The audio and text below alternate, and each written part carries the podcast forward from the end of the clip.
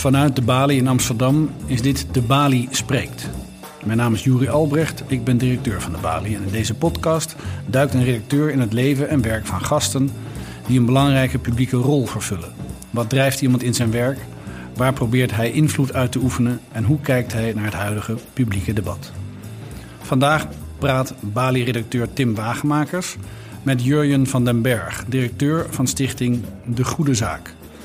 Met deze progressieve burgerbeweging probeert Van den Berg druk uit te oefenen op de politiek en het maatschappelijk debat. Zo strijdt de goede zaak onder meer voor een algemeen kinderpardon. Een gesprek over activisme, maatschappelijke verandering en de moed je ergens voor uit te spreken.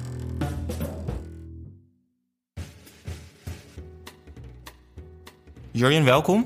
Ik ken jou nu een tijdje en ik, ik, ik zie hoe jij de afgelopen jaren op 20.000 manieren bezig bent om iets in beweging te krijgen. Volgens mij was je onderwijsvernieuwer bij Kennisland. Heb je de uh, TTIP-campagne, nou ja, tegen TTIP dus, uh, gecoördineerd voor een aantal organisaties. Je hebt Kamerwatch nog opgezet, je op Radio 1. En nu dan de goede zaak. Is dit nou soort van de samenballing van al die initiatiefjes Ja. die, je- die je hebt opgezet? Ja, dat is, dat is het precies. Ehm, er zijn een aantal constanten in wat ik de afgelopen tijd gedaan heb. Ik ben in het onderwijs begonnen als eh, vicevoorzitter van de Landelijke Studentenvakbond... en toen de eh, Europese studentenpolitiek in. Ehm, en dat onderwijs is een paar keer blijven trekken... omdat dat volgens mij een cruciaal onderdeel is van hoe je een samenleving inricht en verandert. Ehm, daarnaast heb ik mij bekwaamd als eh, lobbyist en als woordvoerder. Dat heb ik eh, onder andere gedaan bij, daar is hij weer, de Onderwijsbond. Eh, maar ook bijvoorbeeld voor GroenLinks in de Tweede Kamer. Ehm, en daarna begon, of tijdens dat al, ehm, eh, bijvoorbeeld ook bij het oprichten van FNV Jong, helemaal aan het begin Ja. van mijn loopbaan, begon de zoektocht naar die grote groep mensen die overduidelijk Nederland eerlijker, duurzamer, inclusiever en rechtvaardiger wil maken. Maar die zich niet aangesproken voelt door de clubjes die er nu zijn. En Ja. die eh, wel frustraties heeft en die wel uit, maar die niet zo pregnant uit als wat de boze burger is gaan heten. En dat heeft geleid tot de goede zaak. En dat heeft, er voor mij, eh, heeft voor mij geleid tot het oprichten van de Goede Zaak. Waarin we dus die grote groep mensen die zegt van... eh, ik word boos of gefrustreerd of vol energie wakker... alleen ik weet niet waar die naartoe kan... die moeten dat eigenlijk gewoon instant kwijt kunnen op de Goede Zaak. Dan moet je het even concreet maken. Wat doet de goede zaak? Wat, wat is jullie werk? Wij noemen onszelf de bondgenoot van Progressief Nederland. En dat is ook wat we zijn. Eh, wat wij doen is, wij ondersteunen campagnes. En in beginsel zijn dat campagnes van mensen die zelf geen toegang hebben tot media, tot eh, politieke netwerken, tot eh, creatieve circuits. Geen handige neef die een website op poten zet. Echt mensen die zeggen van, ik heb iets waar ik me eh, druk om maak en daar wil ik voor gaan. Alleen ik heb het platform niet. Ja. Dat platform zijn wij. Ehm, ik heb campaigners in dienst die mensen gratis helpen met het op poten zetten van die campagne. Die campagne die ziet er fysiek zo uit dat ze een plek krijgen online op ons platform waarmee ze eh, aan de slag kunnen. En wat we vervolgens gaan doen is bondgenoten zoeken daarbij. Maar het belangrijkste wat we doen is mensen kunnen die campagne steunen. En daarom zien ze er dus vaak uit als een brievenactie of een petitie om mee te beginnen. Zodat je dus mensen naar het onderwerp toetrekt. En dan kan degene die de campagne gestart is, die kan vervolgens eh, zijn hand uitsteken naar die mensen en zeggen: Ik heb vrijwilligers nodig, ik heb donaties nodig. Ik wil morgen demonstreren, kom je ook? Ehm, en elke keer als wij zo'n actie doen, dan groeit dus die groep mensen die dat steunt. Ehm, uiteindelijk is mijn doel eh, om letterlijk miljoenen Nederlanders op onze e-maillijst te hebben, zodat dus op het moment dat er iets gebeurt, eh, de goede zaak onmiddellijk hand in hand met mensen die dat raakt kan zeggen: eh, wij zijn hier boos, gefrustreerd of we willen hier Ja. constructief iets, ver- iets aan veranderen. Maar misschien dan toch, als we, hè, want jij hebt heel lang je ingezet op een onderwerp. En nu klinkt het bijna alsof jij een neutraal platform leidt. Hè, met een aantal waarden, inclusief, progressief. Maar verder is eigenlijk, hè, waar jullie nu voor hebben ingezet, dat kinderpardon. Dat is eigenlijk toevallig. Had ook iets anders kunnen zijn. Ja, eh, nee. Toch? Want als Nou ja, jij zegt, nee. wij zijn een platform waar Ja. die burger... Dan kan, het, dan kan iedereen daar langskomen. Nee, dat klopt. Er, eh, er, is, er is een aantal. eh, er kunnen campagnes niet. Dat zijn discriminatorencampagnes. Dat zijn campagnes die oproepen tot geweld. Dat zijn campagnes die de verschillen tussen arm en rijk vergroten. Dus ons domein is de progressieve campagne. Daar zit 60, 70 procent van de Nederlanders, als je dat zo allemaal bij elkaar zet, eh, zijn geïnteresseerd in dat type campagnes. Hoe weet je dat? Dat heb ik onderzocht. Laten onderzoeken toen we begonnen hiermee. Dat was een eis van de fondsen die bij ons investeerden. En dat is het fijnste wat ik gedaan heb. Want daarmee krijg je dus de bevestiging dat het ideetje wat je Van wat jij hoopt, van je wereldbeeld. Ja, ja precies. Dat. Je, dat je, nou ja, maar, maar dat is het echt. Hè? Zo af en toe. Je ziet dat ook telkens in die Sociaal Cultureel Planbureau onderzoeken. Eh, we zijn als land veel socialer. We hebben veel meer het beste voor met onze samenleving dan mensen het gevoel hebben dat nu de status quo is. Dus dat laat zien dat, we een, eh, dat, dat het een reden heeft dat we bestaan. Dan vroeg jij van is het dan een beetje random en toevallig wat jullie, eh, wa- wat jullie steunen? Nou, dat is niet zo. Eh, daar komt zeg maar onze eigen rol ook bij kijken. Van onze Amerikaanse collega's van, de, eh, van Move On hebben wij het motto geleerd: Big Ears, Strong Vision. Dus heel goed luisteren naar wat er in de samenleving gespeeld en vervolgens daar je eigen strategische keuzes in maken. Wat wil jij dan in beweging brengen? Nou, wat ik op dit moment in beweging wil brengen is eh, terugpraten. En daarom is die kinderpardoncampagne en zeker die zaak Lillian Hoek, waar we de afgelopen weken heel erg hard mee bezig geweest zijn, eh, die is voor ons zo belangrijk. Uiteindelijk bleek dat het grootste gedeelte van de Nederlanders voor die 400 kinderen SEC zegt, die zijn tussen wal en schip gevallen, daar willen we een oplossing voor. Ehm, en dat is dus geen links-rechts discussie. Maar als je het in de politieke arena legt, dan wordt het dat wel.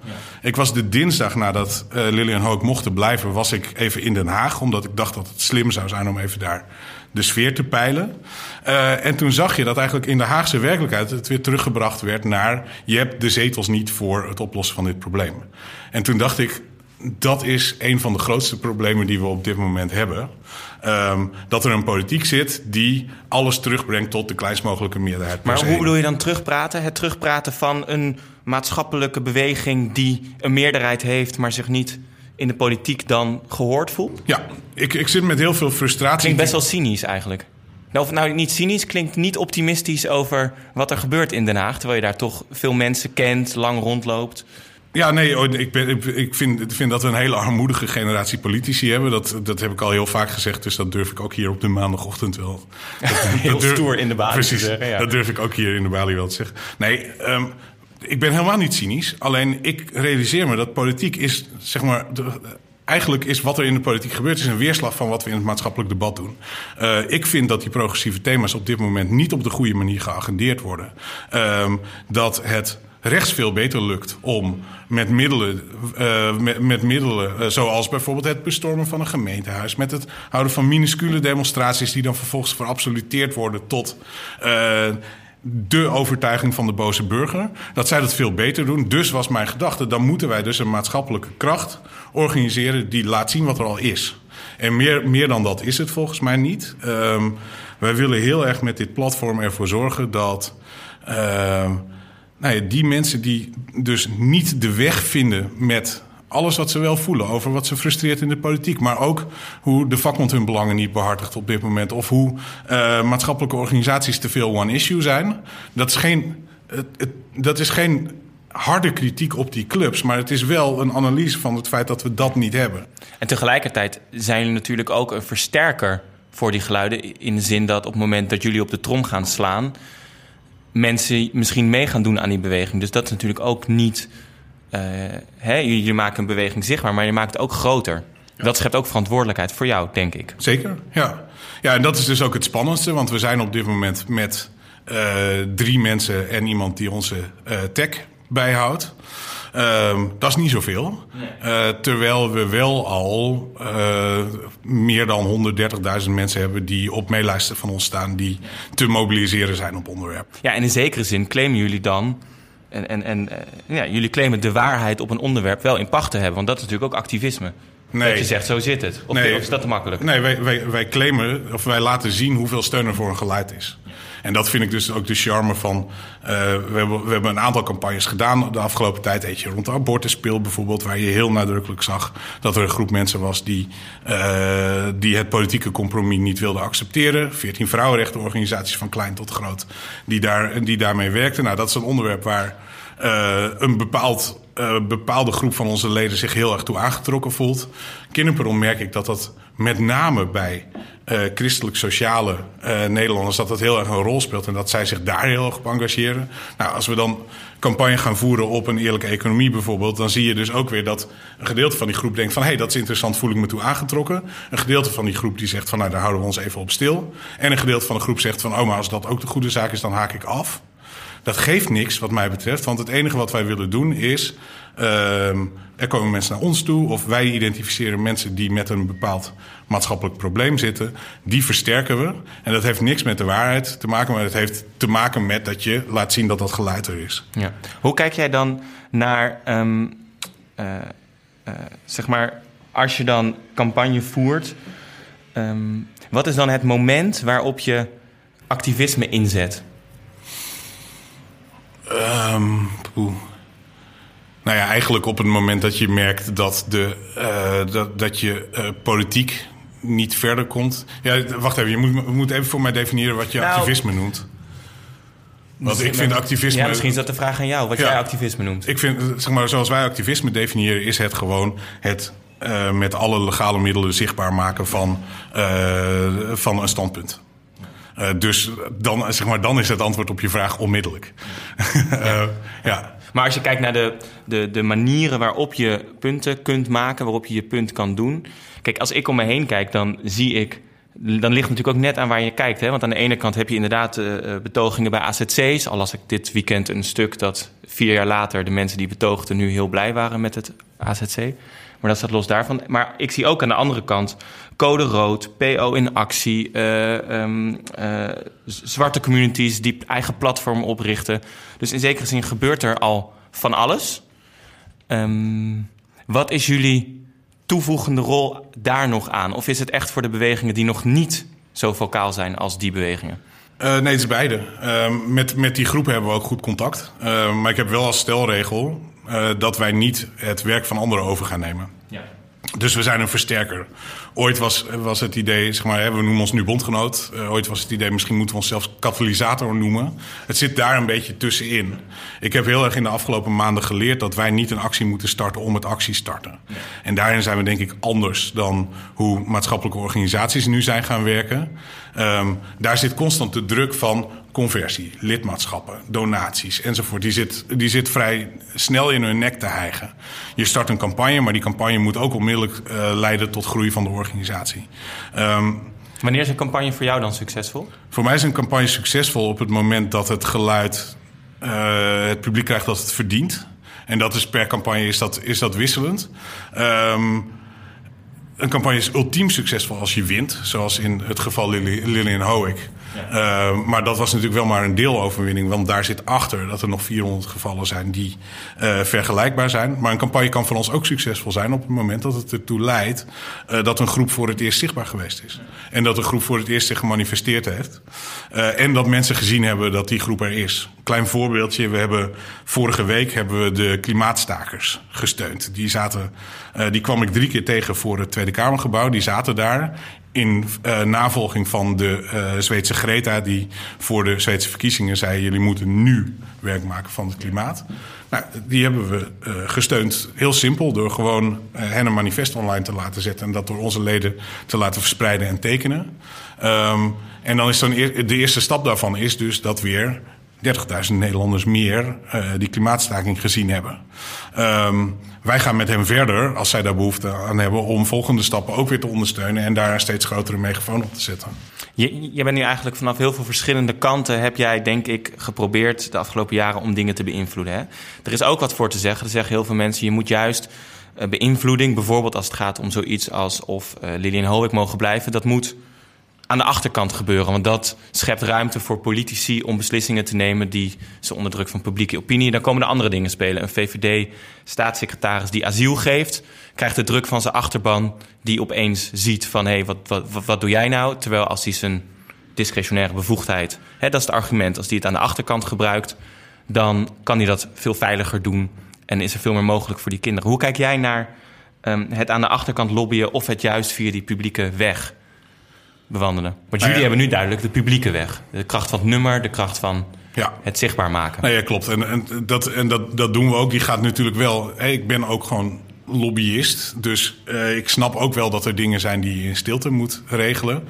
Uh, ik vind als het gaat over zo'n onderwerp als het kinderpardon, daar is het hele simpele feit dat als ik daar dan die dinsdag weer in Den Haag kom en mensen zeggen van leuke campagne van de Berg, maar je hebt de zetels niet, dan denk ik dat geeft niks. Die heb ik, uh, die heb ik waarschijnlijk heb ik die in maart wel, want dan zijn er provinciale statenverkiezingen en dan worden de verhoudingen in de Eerste Kamer anders. Dus ik vind uh, als je de zetels niet hebt, dan moet je er dus voor zorgen dat het geluid zichtbaar wordt. Um, en zo zie ik ons. Zeg maar, wij proberen te mobiliseren, geluid te maken, uh, zichtbaar te maken wat er leeft. Om ervoor te zorgen dat het maatschappelijk debat meer kleuren krijgt dan alleen maar angst voor de boze burger aan de ene kant en het schipperen tussen een constructieve en een activistische opstelling uh, aan de andere kant. En wij hebben daarin ook de luxe dat we op dit moment uh, onafhankelijk zijn van de overheid. Uh, onafhankelijk zijn van uh, de druk van. Want jullie worden betaald door fondsen, toch? Ja, we hebben ja. voor die eerste jaren hebben we fondsen geworven. en ik realiseer me ook, zeg maar, daarna. Um, uiteindelijk gaan onze leden zelf onze campagnes betalen. Dus dan gaat er vast ook weer een hele andere dynamiek spelen. Maar in ieder geval is het voor ons heel erg belangrijk om onafhankelijk te blijven. Want dat is het weeffoutje. Wat ik zie in ons uh, politiek-maatschappelijke speelveld. Maatschappelijke organisaties doen ontzettend hun best, maar moeten of op de markt geld halen of bij de overheid. En dat geld bij de overheid, daar komen echt op dit moment verplichtingen bij. Was twintig jaar geleden was dat anders. Maar op dit moment zie je dat uh, maatschappelijke organisaties ook deels uitvoeringsorganisaties geworden zijn. Je dus bedoelt er eigenlijk mee dat je dan in een situatie komt dat je toch een politieke agenda moet verwezenlijken? Nou ja, dat, het, het, het, heel, het makkelijkste effect wat, er, wat erop uitkomt is... subsidiepotjes krijgen altijd een bepaald thema mee. Ja. Dus dat betekent, hè, ook al heb je het allerbeste voor met, uh, met het onderwerp waar je op zit... maar uh, het buzzword van het jaar is innovatie en niet mensenrechten... dan gaat iedereen naar innovatie. Ja. En dat is, mensen worden er heel creatief in en uh, ongetwijfeld zijn, zijn mensen die dat doen heel capabel. Maar voor ons is het punt dat er zit dus een gat en dat gat, dat moet op de een of andere manier moet dat weer bediend worden. En dat kan volgens mij door een onafhankelijke club. En die proberen we op poten te zetten. Wanneer is het moment van actie voeren of de activistische houding... wanneer moet die volgens jou overgaan in de gesprekshouding? Er is natuurlijk altijd een... als je een onderwerp agendeert... dan heb je vaak een activistische voorhoede die dat op de kaart zet. En dan? Ja, nou ja, dat is dus ook waarom we onszelf altijd als bondgenoot uh, uh, positioneren. Ik vind het echt een hele, hele goede vraag van je. Want we hebben een heleboel zusterorganisaties in het buitenland. Uh, 38 Degrees in Groot-Brittannië, Campact in Duitsland, Get Up in Australië. Dat zijn allemaal hele grote clubs. Maar hun specialiteit is wel met name agenderen alleen. Um, dat kan ook niet anders, want uiteindelijk zijn zij geen belanghebbenden. En dat is dus waar, waarom ik altijd hand in hand wil werken met belanghebbenden. Dus wij vinden, zo gauw iets op de agenda staat, moet er gepraat worden.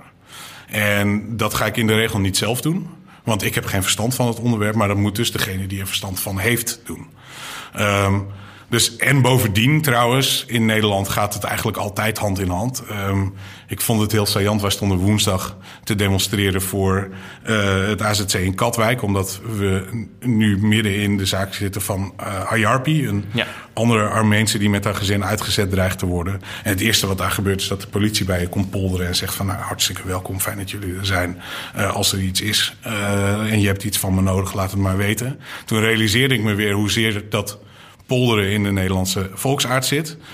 De goede zaak is wat dat betreft ook een veel minder agressieve club dan uh, die voorbeelden die ik net noemde. Het is een organisatie die meer dan we gewend zijn in Nederland zegt... we gaan vol op, vol op het orgel om onderwerpen op de agenda te zetten.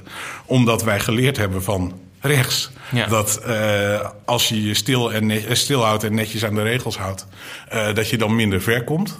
Uh, maar dat netjes aan de regels houden, dat wordt niet verder opgerekt dan uh, dat wij op een bepaald moment gewoon mensen laten zeggen wat ze vinden. Je, je zei aan het begin dat veel onderwerpen die de goede zaak dan hè, uh, ondersteunt, dat die eigenlijk links en rechts dat, daarboven uitstijgen. En tegelijkertijd zeg je ook de hele tijd dat wij iets moeten gaan doen met de goede zaak wat rechts veel beter kan. Hoe, hoe, hoe, kijk je naar die eh, want in zekere zin positioneren jullie jezelf als een linksgeluid, wat ook weerstand zal oproepen. Kijk, je hebt organisaties die zeggen: wat we nu moeten gaan doen is, we moeten gaan praten met die groepen die uh, bijvoorbeeld uh, voor uitzetting van Lilienhoek zijn. Als ik jullie hoor, dan zeggen jullie, dat gaan wij niet doen. Wij gaan eerst maar eens verzamelen. Nou ja, kijk, mijn, definitie, de, ook, ook dat heb je weer heel scherp gezien. Mijn definitie van rechts is bij deze, of in deze echt de populistisch rechtse groep... die ongeveer 15% van het electoraat vertegenwoordigt. Die, VVD en FVD. Precies, maar die dus ook de middenpartijen in gijzeling, uh, in gijzeling houdt. En dat zijn dan op dit moment in ons politieke landschap met name CDA, VVD, SGP, 50+. Um, partijen die het gevoel hebben van wij moeten eigenlijk... Uh, we, we, hebben niet zo heel veel speelruimte op een aantal van die thema's... omdat we dan kiezers kwijtraken aan die hele vocale groep. Nou, tegenover die vocale groep staat een hele grote groep... die grofweg die waarden die ik net schetste... Uh, hè, dus eerlijker, duurzamer, inclusiever en rechtvaardiger... die dat delen. En dat is mijn definitie van progressief. Mensen die zeggen, uh, wij willen dat die samenleving er uh, uh, nou ja, dat die samenleving om al zijn mensen geeft en dat die samenleving zich ook klaarmaakt voor de toekomst. Uh, en daar wapen ik me tegen. Dus dat, het, ik, ja, het blijft een ingewikkelde. Mensen knappen nu nog af op progressief. Uh, ik gebruik bewust de term progressief en niet links, omdat ik vind dat deze waarden voor meer staan uh, dan alleen maar de traditionele agenda van linkse partijen. En onderdeel van wat we doen is ook dat mensen progressief niet meer als vies woord gaan zien. Ja. Je cirkelt nu, misschien tot slot, eigenlijk al jaren een beetje om politiek heen. Hè? En af en toe prik je erin en probeer je dingen te veranderen. Maar toch kies je er niet voor om de politiek in te gaan. Tenminste, tot nu toe nog niet. Is dat wel iets wat zou kunnen gebeuren? Of denk jij dat invloed uitoefenen toch echt daarbuiten moet? Vroeger had ik daar een heel handig vluchtheuveltje voor. Want dan zei ik altijd, pas als mijn leeftijd met vier begint... Uh, vind ik dat ik voldoende levenservaring heb om daarover na te denken. Ik werd deze zomer 40. Dus, ja, nou. uh, dus, uh, Dit is het moment het, het om zou, je uit te spreken. Het zou tijd, kunnen, tijd kunnen zijn om erover na te denken. Nee, waar, bij de afgelopen Kamerverkiezingen zijn een aantal goede vrienden van mij de politiek ingegaan. En... Um, die hebben allemaal één gezamenlijk kenmerk. En dat is dat ze een beetje straatvechters zijn. En ik vond het wel frappant om te zien dat het dus juist, juist zij waren die op dit moment de politiek ingingen. Um, ik vertrouw dat hen ook veel meer toe dan bijvoorbeeld mijzelf op dit moment. En ik zie mijn rol nu heel erg in het mobiliseren van de maatschappij. En wat hier verder dan later weer uitkomt, dat zien we dan wel weer. Politiek fascineert me, maar het gaat me er vooral om. Um, Nee, laat ik het zo zeggen. Ik heb heel veel kritiek op partijpolitiek op dit moment. Ook bij de linkse oppositiepartijen, waar ik normaal gesproken zelf qua politieke voorkeur uh, terecht zou komen.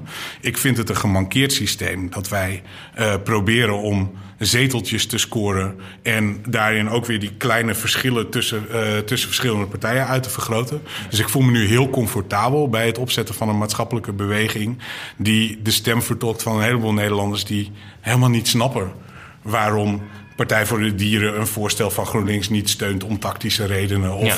waarom de PvdA per se met een plan wil komen omdat ze dan eerder zijn. Um, ik herken de systemen, ik registreer ze, maar uh, ik wil heel graag aan de kant staan van de samenleving die gewoon zegt: what the bullshit. Ik wil dat dit land mooier, beter, eerlijker, rechtvaardiger wordt. Nou, ik wens je er heel veel succes bij. Dankjewel, Jurgen van den Berg. Dankjewel.